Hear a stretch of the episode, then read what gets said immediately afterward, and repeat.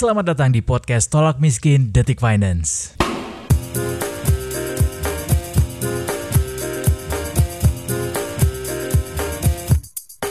Halo Detikers, Tolak Miskin episode kali ini kita pengen kasih inspirasi nih buat kalian yang mungkin setahun ini penat, puyeng sama dampak-dampak dari pandemi COVID-19 ini. Mungkin ada dari kalian yang uh, di PHK, mungkin ada yang kehilangan orang tersayang, pendapatan berkurang. Pokoknya segala macam negativisme ada di uh, sekitar kita lah. Nah, uh, masih dengan semangat yang sama dengan nama podcast Tolak Miskin, uh, kita pengen kasih inspirasi nih buat kalian yang ingin breakthrough buat tolak kemiskinan dan bangkit lagi kita pagi ini uh, saat ini uh, akan ngobrol-ngobrol sama salah satu inspirasi buat uh, masyarakat Indonesia. Buat kalian yang mungkin pernah baca komik Marvel uh, atau DC barangkali pernah notice nggak kalau nama kreator dari komik yang kalian baca itu adalah nama orang Indonesia uh, kalau dilihat di websitenya uh, Marvel Comic itu saya uh, bisa kalian temukan ada nama Aryo Anindito di sana. Ejaannya dibalik di sana jadi Anindito Aryo.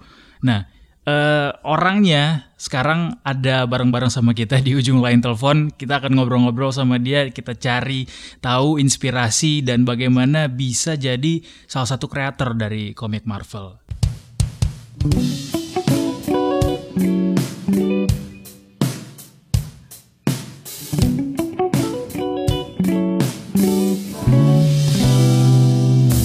Selamat pagi Mas Aryo. Halo, selamat pagi Mas Edo. Apa kabar Mas Aryo? Alhamdulillah baik, baik. Mas Aryo sekarang posisinya di mana Mas? Aku di Bandung posisinya. Oh di Bandung ya. Berarti itu kerja Betul. segala macam semuanya remote ya? Iya, remote dari Bandung semuanya. Oke. Mas Aryo, hmm. uh, yes. kita mungkin banyak juga beberapa dari detikers yang belum kenal sama Mas Aryo, salah satu kreator dari komik Marvel. Uh, Sebenarnya uh, sudah uh, cukup lama malang melintang jadi komikus, jadi uh, ilustrator buat Marvel dan kawan-kawannya. Nah, uh, yeah. tapi buat mereka yang belum kenal nih sama Mas Aryo, Mas Aryo uh, adalah uh, salah satu ilustrator atau kreator dari uh, komik Marvel bisa kita bilang uh, kalau saya lihat yeah. di website nih Mas Aryo ada mm-hmm. ada 47 komik uh, result dari dari website tersebut buatannya yeah. Mas Aryo. Uh, yeah. Ada Atlantis, ada Sword Monster, ada Hulk Verins, ada uh, Venom uh. sampai Star Wars. Tapi sebelum yeah, kita cerita semua uh, keajaiban itu. Uh, saya mau tanya dulu ke Mas Aryo, uh, eh, yeah. awalnya itu uh, bisa dikontak sama Marvel sampai jadi kreator tuh gimana, Mas? Iya, um, pertama saya cukup kaget juga ngedengar jumlahnya segitu karena uh, saya sendiri nggak pernah ngitung, saya sendiri nggak oh, pernah okay. ngitung. Uh, udah udah berapa jumlah komik yang saya bikin dan ternyata udah lumayan ya. Uh, jadi gini, awalnya tuh dulu waktu saya kuliah, saya suka ngepost-post gambar saya ke internet. Waktu itu situsnya DeviantArt namanya. Hmm. Nah, terus saya tiba-tiba dikontak sama salah satu uh, agen pencari bakat. Nah, hmm. apa dia di dia di Itali, lalu dia menawarkan kerjasama. Jadi dia menjadi representasi saya dan dia yang nawarin karya-karya saya ke penerbit-penerbit luar.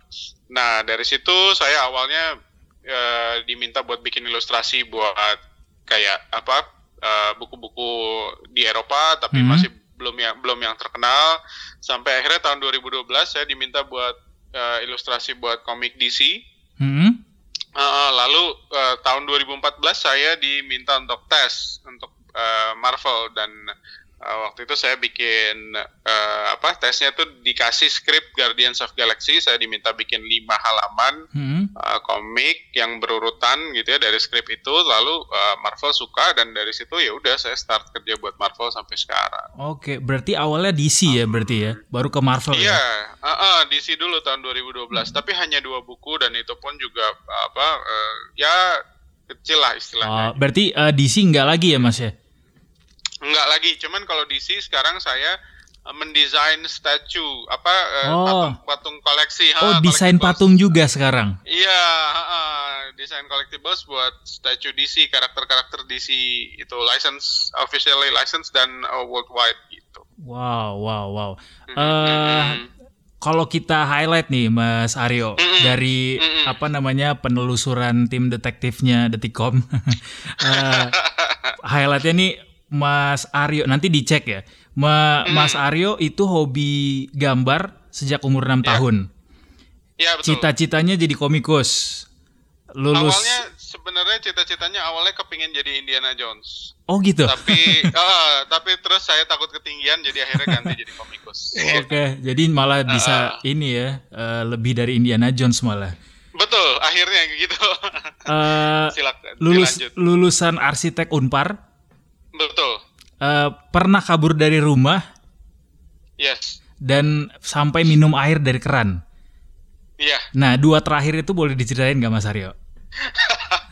Sebenarnya itu apa ya? eh, nggak ada yang itu drama dalam keluarga, tapi Iya. nggak ada yang salah di situ Hmm. karena pada saat itu eh, ibu saya khawatir ini anak kenapa udah lulus kok nggak kerja kerja gitu. Itu pas Eh, eh, kapan kuliah, es- eh, sekolah?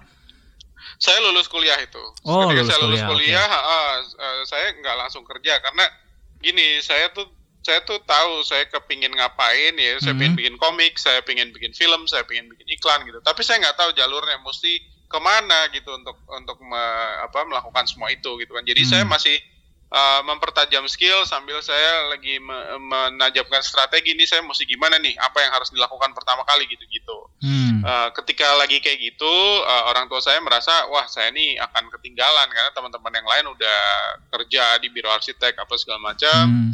Lalu, lalu ya kita bersih tegang lah intinya. uh, orang tua saya bilang dia mereka tidak mau saya terlambat gitu. Hmm. Lalu, lalu, lalu saya bilang terlambat tuh sama siapa? Apakah kita berlomba sama orang lain? Kan enggak. Se- Sebenarnya dalam hidup ini kita berlomba sama diri kita sendiri gitu. Exactly. Kita nggak bisa nggak bisa di compare sama orang lain gitu. Lalu saya saya gunakan perbandingan antara Macaulay Culkin sama Morgan Freeman di di mana Macaulay Macaulay Culkin start karirnya di film Home Alone dia umur masih kecil banget. Hmm. Morgan Freeman itu dia mulai dari umur yang udah lumayan tua gitu. Tapi sekarang kita lihat yang lebih sukses adalah Morgan Freeman dengan dia menang Oscar, dia lebih terkenal, dia lebih eh, ya lebih sukses lah gitu. Hmm, Jadi mu- mulai mulai lebih dulu itu bukan jaminan lebih sukses gitu. Setiap orang punya timingnya sendiri-sendiri, setiap orang punya garis finishnya sendiri-sendiri. Sebenarnya kita berlomba sama diri sendiri. Hari ini hari yang besok harus lebih bagus dari hari ini, hari ini harus Hmm. lebih bagus dari hari kemarin gitu. Exactly. Jadi nggak bisa di nggak bisa di compare. Cuman pada dasarnya orang tua sayang ya, saya udah ngomong berbusa kayak gitu tetap nggak mempan. ya udah akhirnya saya kabur dari rumah dan karena saya waktu itu kaburnya nggak bawa handphone, nggak bawa dompet. Nekat aja gitu ya. Heeh, dan Hmm. karena udah udah sedramatis itu mau Ah. balik lagi tank tanksin juga. Ah. Ya udah akhirnya saya lanjut kabur saya eh, ke masjid aja dan di situ saya kalau lapar atau haus ya saya minum dari air keran gitu. Wow, dan nggak ada yang sangka juga ternyata sampai bisa sebesar ini, sampai mengharumkan Iya. nama bangsa juga, dan Iya, alhamdulillah. sudah nulis 47 komik tadi yang saya dapat ya mas ya. Iya. Atau mungkin Iya. lebih dari itu mungkin. Kayaknya sih ada kalau dihitung sama yang DC bisa lebih dari itu ya. Iya, Eh, buat sama- Marvel doang eh, tadi, buat Marvel. Iya, eh, gitu. Oke, Mas. eh, eh, tapi kalau kita flashback sedikit di awal-awal karir itu, eh, Mm-mm. masih ingat nggak waktu itu gambar apa pertama kali yang bikin sadar Mas Aryo eh, bahwa eh, wah gambar gue bagus nih ternyata gitu. Apa ya? eh, dulu sih waktu kecil itu saya suka banget bikin komik di buku gambar kayak buku gambar A4 gitu. Hmm, Petualangan petualangan buah-buahan gitu kan. Buah-buahannya ada ada matanya, ada kakinya. Emang udah bercerita gitu ya gambarnya ya. Nah, eh, bentuknya udah komik dan itu kata teman-teman atau kata ibu atau kata keluarga gitu ini bagus gitu loh. Orang-orang di situ ngeliat bahwa saya sepertinya punya bakat di bidang ini gitu. Jadi eh, dan memang saya punya cita-cita kepingin jadi komikus karena Hmm. saya melihat kayaknya enak ya gitu kalau misalnya aku kerjanya udah, udah gede tuh bikin komik gitu siapa sih yang nggak kepingin gitu kan Ya. semua anak semua anak kecil tuh se- seneng komik dan semua anak kecil pasti kalau di bilang kamu mau nggak udah gedenya jadi pembuat komik dan dibayar pasti mau iya. gitu. Yeah. Uh, uh, jadi ya apa ya dulu, dulu gambar yang ya itu gambar buah-buahan itu namanya fruitman. Hmm. Tapi terus pas kuliah mungkin uh, saya pernah waktu itu gambar Dian Sastro dan teman-teman saya tuh bilang, "Uh, keren banget gambarnya, bagus-bagus banget." gitu ya udah. Kayaknya hidupnya saya, Mas Aryo nggak jauh-jauh dari uh, buah-buahan ya Mas ya. Tadi Fruitman, terus uh, nama jalan lokasi tempat tinggalnya Buah Batu dan punya studio iya, namanya Fruitstone. Stone Fruit. Eh Stone Fruit, sorry sorry. Iya Stone yeah. Fruit Studio, iya. Itu pun karena tinggal di buah batu, jadi namanya Stone Fruit. Iya iya iya iya. iya. Kalau kalau inspirasi menggambar tuh siapa mas? Awalnya itu uh, Erka Kosasi, uh, oh, okay. komikus Indonesia, yeah, yeah. Uh, karena karena saya suka banget cerita wayang. Terus dia bikin komik-komik wayang, dan hmm. saya suka sekali baca ininya apa komiknya dia dan uh, apa ya Iya itu itu inspirasi salah satunya. Udah gitu saya suka baca komik Eropa dulu pas kecil itu juga jadi inspirasi. Oke. Okay. Tapi kalau komik Indonesia hmm. ada bikin nggak mas? Ada bikin juga nggak?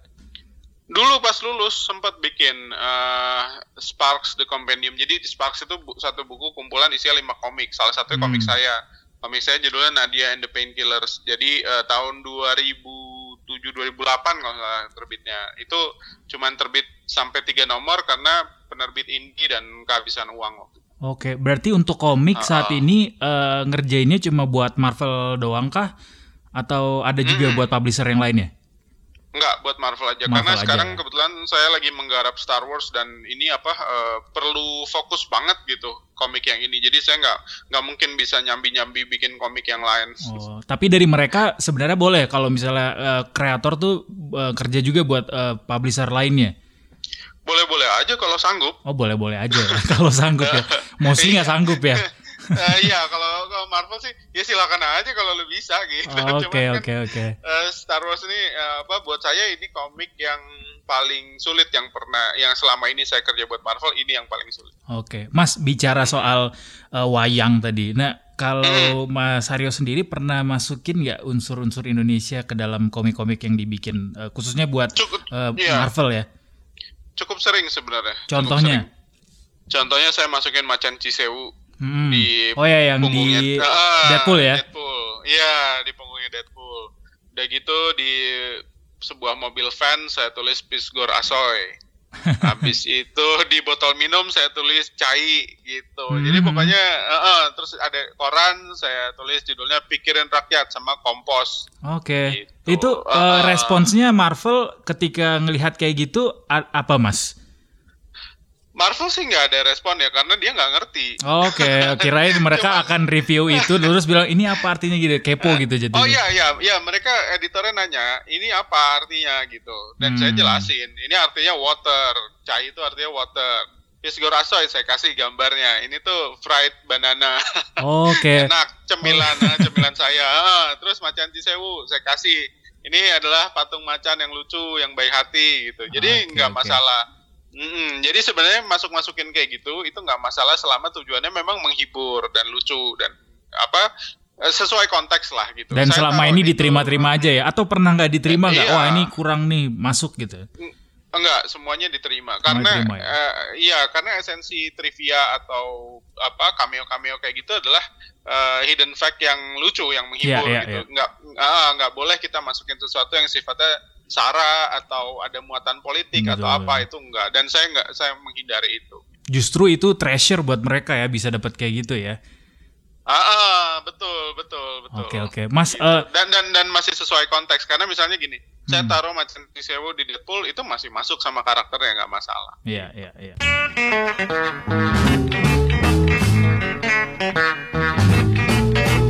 Uh, Mas Aryo, kan kita uh, hmm. kalau bicara soal Marvel publisher besar, uh, ya. apa aja sih ke keindahan-keindahan yang dirasa ketika kerja sama sama Marvel dan juga mungkin boleh di-share ke kita uh, momen down selama selama jadi komikus buat uh, kreator buat Marvel Comics tuh apa, Mas?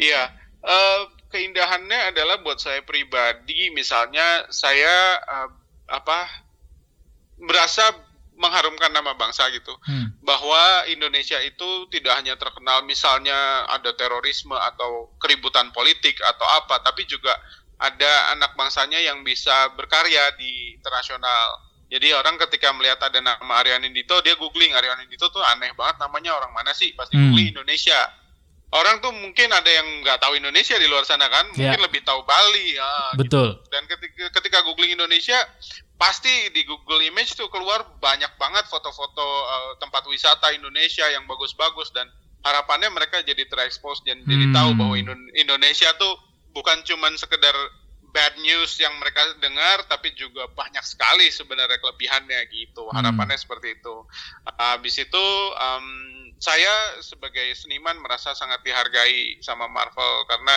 Uh, dari 2014 sampai sekarang saya tetap di hire sama mereka dan bahkan dikasih proyek yang makin ke sini makin makin bagus proyeknya. Mm -hmm. uh, udah gitu juga gara-gara saya komikus Marvel saya bisa keliling dunia, saya bisa diundang ke Jepang misalnya atau ke Amerika. Gitu. Udah gitu. ketemu sama ada. semua pemain hmm. filmnya Marvel belum mas? Kalau itu enggak karena beda beda divisi oh, beda antara ya? komik ya, antara komik dan uh, film gitu. Uh, cuman kita pernah ada di satu tempat yang sama di San Diego Comic Con. Cuman oh, ya, kan kalau uh, uh, cuman uh, ya itu karena beda divisi jadi kita tidak dipertemukan gitu karena untuk ketemu sama mereka tuh kalau di San Diego Comic Con tuh mesti ngantri, mesti apa segala macam gitu. Hmm. Dan dan saya lebih fokus ke komik ya maksudnya ya. dan udah ketuaan juga untuk ngantri. Karena Mas A, Mas Aryo-nya juga di dianterin sama orang juga di Comic Con ya. Iya kebetulan. Oke. Gitu. Kalau kalau mau uh, kesulitannya apa Mas kerja buat publisher sebesar Marvel? Uh, kesulitannya udah pasti uh, gimana caranya selalu um, improve ya. Gimana caranya selalu menaikkan level kualitas kerjaan karena Marvel sebagai publisher sebesar itu dia pasti uh, terus melihat talent-talent yang baru. Dia pasti terus untuk bisa menyegarkan tampilannya dia mencari talent-talent baru yang semakin bagus semakin bagus nah jadi dari situ kita harus bisa meningkatkan kualitas diri kita sendiri juga gitu hmm. harus terus improve improve lebih bagus lebih bagus uh, karena nggak gampang bisa bertahan kayak misalnya saya dari 2014 sampai sekarang terus ngerjain proyek Marvel itu sangat-sangat nggak gampang hmm. karena pernah dimarahin nggak sih mas? Hmm, nggak sih, alhamdulillah nggak pernah, nggak oh, iya. pernah, nggak okay. pernah. Uh, uh, uh, Oke. Okay, uh, sama itu paling uh. apa? Sama sama perbedaan waktu ya. Karena oh, iya, iya. edit eh, editor biasanya ngasih input feedback itu jam 2 jam 3 pagi di mana hmm. saya mestinya udah ngorok jam segitu gitu. Iya, iya, nah, iya. kalau misalnya uh, uh, kalau misalnya ada feedback yang bur butuh buru-buru dibenerin itu kan was-was juga gitu. Ah, iya iya iya. Berasa hmm. sih. Iya, iya. Itu anak uh, agensi uh, pasti merasakan semuanya. Kebetulan saya juga pernah di agensi, jadi tahu persis. Oke, okay. uh, eh, Mas Aryo, ini kan tadi udah cerita banyak uh, banget. Kita juga tadi udah sempat mention uh, beberapa uh. komik yang dibikin sama Mas Aryo. Ada nggak iya, komik iya, yang iya. masih belum kesampaian pengen dibikin gitu? Uh, saya kepingin, saya sebenarnya udah pernah bikin komik X-Men, tapi hmm. saya kepingin banget bikin komik X-Men lagi karena saya pingin gambar Gambit. Gambit itu karakter favorit saya dan hmm. sampai sekarang saya belum pernah gambar Gambit. Padahal saya udah pernah gambar kayak Avengers, Deadpool, segala macam lah, Hulk apa karakter terkenalnya Marvel. Cuman hmm. Gambit malah saya belum pernah kebagian gitu. Padahal saya kepingin banget gambar Gambit. Gitu. Okay. Jadi mungkin uh, kalau di Marvel saya kepingin X-Men yang ada Gambitnya kalau di luar Marvel saya kepingin bikin komik Batman, kura-kura ninja, sama Hellboy. Oh, Oke, okay. itu mewujudkan mimpi mimpi-mimpi masa kecil kayaknya ya. Betul sekali, betul sekali. uh, apa ya tadi ya? Uh, uh, kalau misalnya uh, untuk misi selanjutnya atau uh, mimpi uh -huh. selanjutnya yang belum kesampaian ada nggak mas? Selain jadi komikus nih. Naik haji. Oke, amin, amin. Sama apa ya? Uh, saya lagi berusaha membangun uh, rumah saya yang yang yang proper maksudnya ada studio yang proper di Indonesia ya sama, uh, uh, di Indonesia uh, hmm. sama apa display room gitu-gitu terus uh, saya kepingin bisa terlibat di uh, film Marvel sih sebenarnya kepingin kepingin okay. bisa terlibat uh, uh, uh, gitu. Gitu. Tapi saya penasaran uh, hmm. kalau misalnya uh, mau jadi kreator tuh kita di sana hmm. mereka pitching dulu kah atau kita nawarin kita punya gambar ini kita bisanya uh, nul, uh, bikin komik ini gitu atau dari mereka yang kasih lelang gitu terus kita yang ke sana atau gimana Mas prosesnya? Ah, kalau saya itu kan dulu by agent kan. Jadi yeah. agent yang nawarin ke Marvel lalu saya dites. Hmm. Dites lima halaman setelah oke okay, baru bisa kerja buat Marvel. Dan setelah itu kalau ada proyek-proyek Marvel yang lain, hmm. mereka yang ngajuin ke saya. Jadi misalnya ini kita ada proyek uh, Star Wars nih. Hmm. Deadline-nya sekian sekian sekian. Lalu tertarik nggak ada uh, apa uh, waktunya uh, masuk nggak? Itu lelang terbuka gitu. atau langsung nunjuk orang? Nah itu langsung nunjuk oh, orang okay, karena okay. karena editor itu dia menyeleksi sendiri uh, kira-kira tim kreatifnya yang cocok hmm, siapa gitu. Okay, okay. Dan dalam hal Star Wars ini uh, saya dapat bocoran bahkan karena dia uh, melibatkan Lucasfilm kan bukan cuma Marvel. Yeah, yeah. Jadi jadi ini untuk tim kreatifnya itu dirapatkan sama mereka di Skywalker Ranch di tempatnya George Lucas. Mm -hmm. uh, semua penulis-penulisnya kumpul dan mereka merapat untuk nentuin siapa yang buat jadi pencilernya. Makanya uh, ketika saya kepilih itu saya kayak mimpi gitu karena it's a big deal ya. Ah, uh, uh, it's a very big deal dan hmm. kok saya gitu kan saya juga nggak nggak nggak nyangka gitu dan sangat sangat bersyukur. Oke, jadi Star Wars adalah salah satu pencapaian terbesar Mas Aryo. Salah satunya betul. Uh, Marvel. Mm -hmm. uh, iya, iya. Kalau ini mas, buat mereka yang uh, saat ini jadi komikus di tanah air, di mm-hmm. dalam negeri, uh, dan mm-hmm. buat mereka yang punya hobi gambar, tips dong mas dari Mas Haryo, uh, buat mereka biar bisa semangat dan bisa uh, mm. mengaktualisasikan hobinya ini ke pekerjaan. Gitu. Ya, pertama adalah percaya bahwa uh, everything is possible Nothing is impossible. Yang penting apa? Yang penting punya mimpi satu. Yang kedua kerja keras. Yang ketiga percaya. Itu aja. Percaya bukan cuma sama diri sendiri, tapi percaya sama Tuhan gitu. Bahwa hmm. ketika kita kerja keras itu tidak ada yang sia-sia. Semua kerja keras itu ada rewardnya. Uh, cuman mungkin rewardnya tidak instan. Ada ada kalanya kita uh, harus menunggu ketika akhirnya reward itu datang. Nah, kerja keras itu termasuk latihan latihan itu adalah mempersiapkan diri ketika nanti kesempatan itu datang. Karena banyak orang yang ketika kesempatan itu datang dalam hidupnya, dia kurang latihan atau dia tidak belum siap gitu. Jadi hmm. akhirnya kesempatannya lewat begitu saja. Hmm. Nah, yang yang uh, setelah itu kita ya tentunya perlu berdoa ya. Abis itu ya. saya menyarankan secara, kalau yang secara teknisnya uh, banyak-banyak upload gambar ke internet karena sekarang kita punya keajaiban dunia namanya internet. Kita ya. nggak yeah. akan pernah tahu tuh ketika kita upload yang lihat gambar kita siapa aja. Hmm. Bisa aja orang Lucasfilm, bisa aja Russo Brothers, bisa aja editor Marvel. Pokoknya upload gambar yeah. ke internet. Latihan. Zaman sekarang kan gampang tuh latihan tinggal lihat tutorial dari YouTube. Hmm. Semua juga ada. Gambar anatomi, gambar apa, gambar apa, semua ada. Zaman saya dulu susahnya minta ampun dan yeah. saya pernah hidup di zaman di mana belum ada internet di Indonesia. Jadi uh, apa istilahnya anak zaman sekarang harus harus mau melewati proses. Hmm. Itu satu yang penting karena saya ngelihat banyak anak-anak zaman sekarang kepinginnya instan. Hmm. Uh, mereka ngelihat saya udah jadi ilustrator Marvel tuh seolah-olah kayak ya udah yang penting gambar tanpa ada langsung, keringat dan darah di situ ya. Ah, ah, ah, ah, terus langsung kirim email ke Marvel berharap langsung bisa kerja buat mereka. Enggak, semua tuh ada prosesnya ada yang namanya latihan, ada yang namanya kita usaha dulu ini itu ini itu gitu. Jadi mm, nggak mm, ada yang nggak ada yang instan, semua harus melewati proses dan proses itulah yang akan mendewasakan kita juga. Gitu. Sepakat, setuju. Jadi mm -hmm. dream, mm -hmm. believe and make it happen ya. Betul, betul. okay. Karena tanpa kita memimpikan itu, orang tuh kalau misalnya nggak mimpi, buat saya nggak hidup. Exactly, gitu. sepakat. Nah, mm -hmm. Mas Aryo terakhir deh. Yes, yes. Berapa sih bayaran dari Marvel buat jadi kreator? ya kalau soal pemasukan itu kan pasti ya uh, private ya, uh. apa, bisa dibilang rahasia gitu. Cuman gini, uh, kalau dulu orang berpikir jadi seniman atau jadi komikus itu nggak bisa buat hidup hmm. gitu, tapi uh, saya bisa bilang bahwa untuk uh, kalau kerja buat Marvel atau penerbit luar mana pun gitu, itu sangat-sangat bisa untuk hidup, sangat-sangat bisa untuk hidup layak lah gitu. Jadi uh, apa pemasukannya untuk dari dari komik aja udah bisa untuk hidup gitu. Jadi hmm. uh, bisa dibilang uh, men menjadi komikus itu bisa untuk uh, apa untuk nafkah gitu bisa bisa bisa, bisa buat beli rumah di BSD atau di Pondok Indah lah ya Amin. Oke, okay. Mas Aryo, makasih banyak uh, udah sama, mau berbagi sama Detikers sama Tolak Miskin. Semoga sama, sukses sama, dengan proyek-proyek barunya dan mimpi-mimpinya semoga segera terwujud juga buat yang amin. naik haji ya. Amin, amin, amin, amin. Oke, okay, makasih Mas Aryo. Ya, sama-sama Mas Edo. That's it. Dream, believe, and make it happen. Kayak kata salah seorang uh, jargon, salah seorang uh, artis di Indonesia ya, Detikers.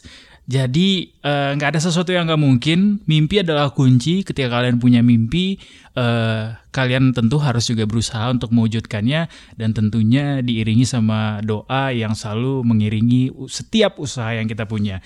Semoga buat kalian yang saat ini uh, sedang dalam kondisi yang tidak mengenakan, sedang dalam kondisi anxiety sedang dalam uh, apa namanya kondisi yang kurang uh, baik karena diterpa oleh dampak pandemi COVID-19 ini bisa segera uh, melakukan breakthrough, terobosan dan kita bangkit lagi menuju ekonomi yang lebih baik dan jadinya ditolak miskinnya.